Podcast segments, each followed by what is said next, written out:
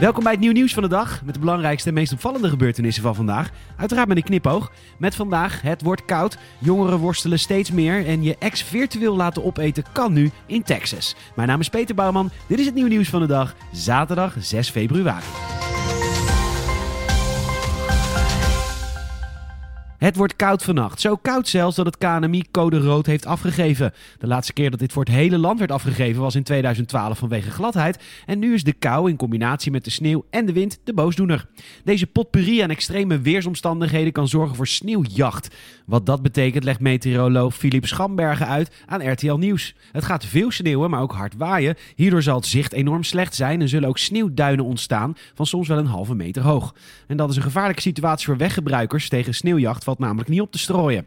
Morgenochtend is er ook kans op ijzel in het zuiden van Nederland. Mocht je echt de weg op moeten, wees vooral voorzichtig. Ander ijsnieuws is dat Utrecht en Amsterdam de grachten vrijhouden zodat ijs gemakkelijker ontstaat. Bedrijven annuleren bezorgingen en alle eredivisie-duels van morgen zijn geschrapt. Oh, en had ik al gezegd dat het koud wordt? Het is tijd voor het nieuw nieuwsgetal van de dag. Je krijgt nu een getal en aan het einde van de podcast de context. Het nieuw nieuwsgetal van de dag is 1 miljoen.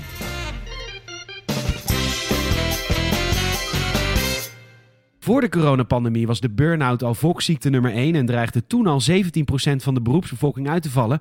Onder jongeren is dit percentage nu 82%. Dat laat Theo Immers van het Nationaal Centrum Preventie Stress en Burn-out tegen het AD weten en dus slaan ze alarm.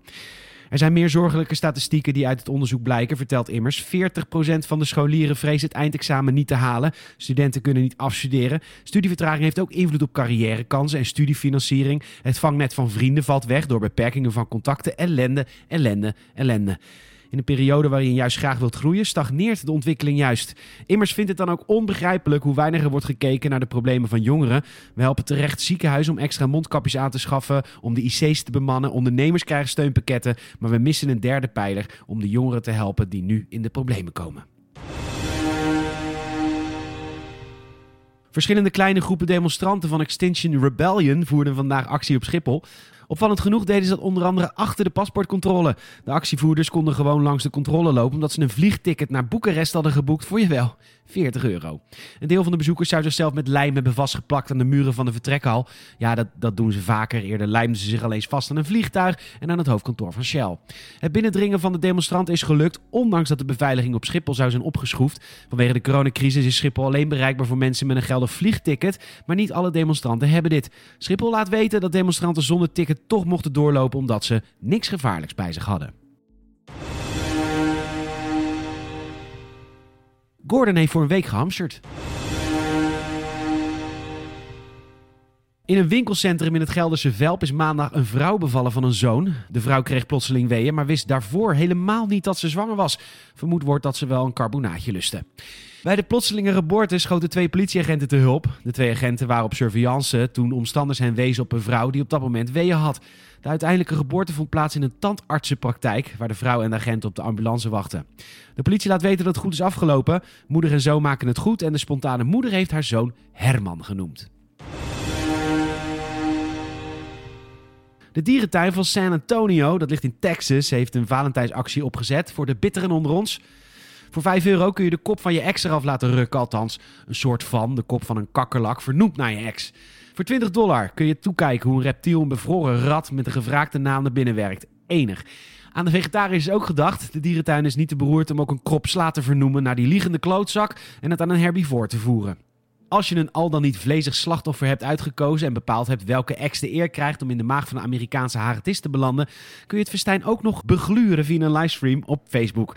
Na afloop krijg je ook een certificaat, zodat je aan iedereen kan laten zien dat die smerige Stefan, sletterige Stephanie, overspelige Odette of vliegende Leo toch echt op 14 februari verorberd is door een Komodo veraan.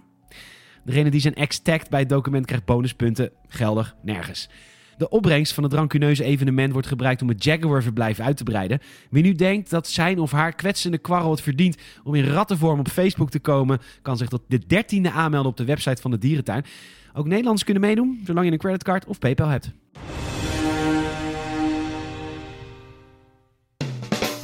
Het nieuwe nieuwsgetal van de dag is 1 miljoen.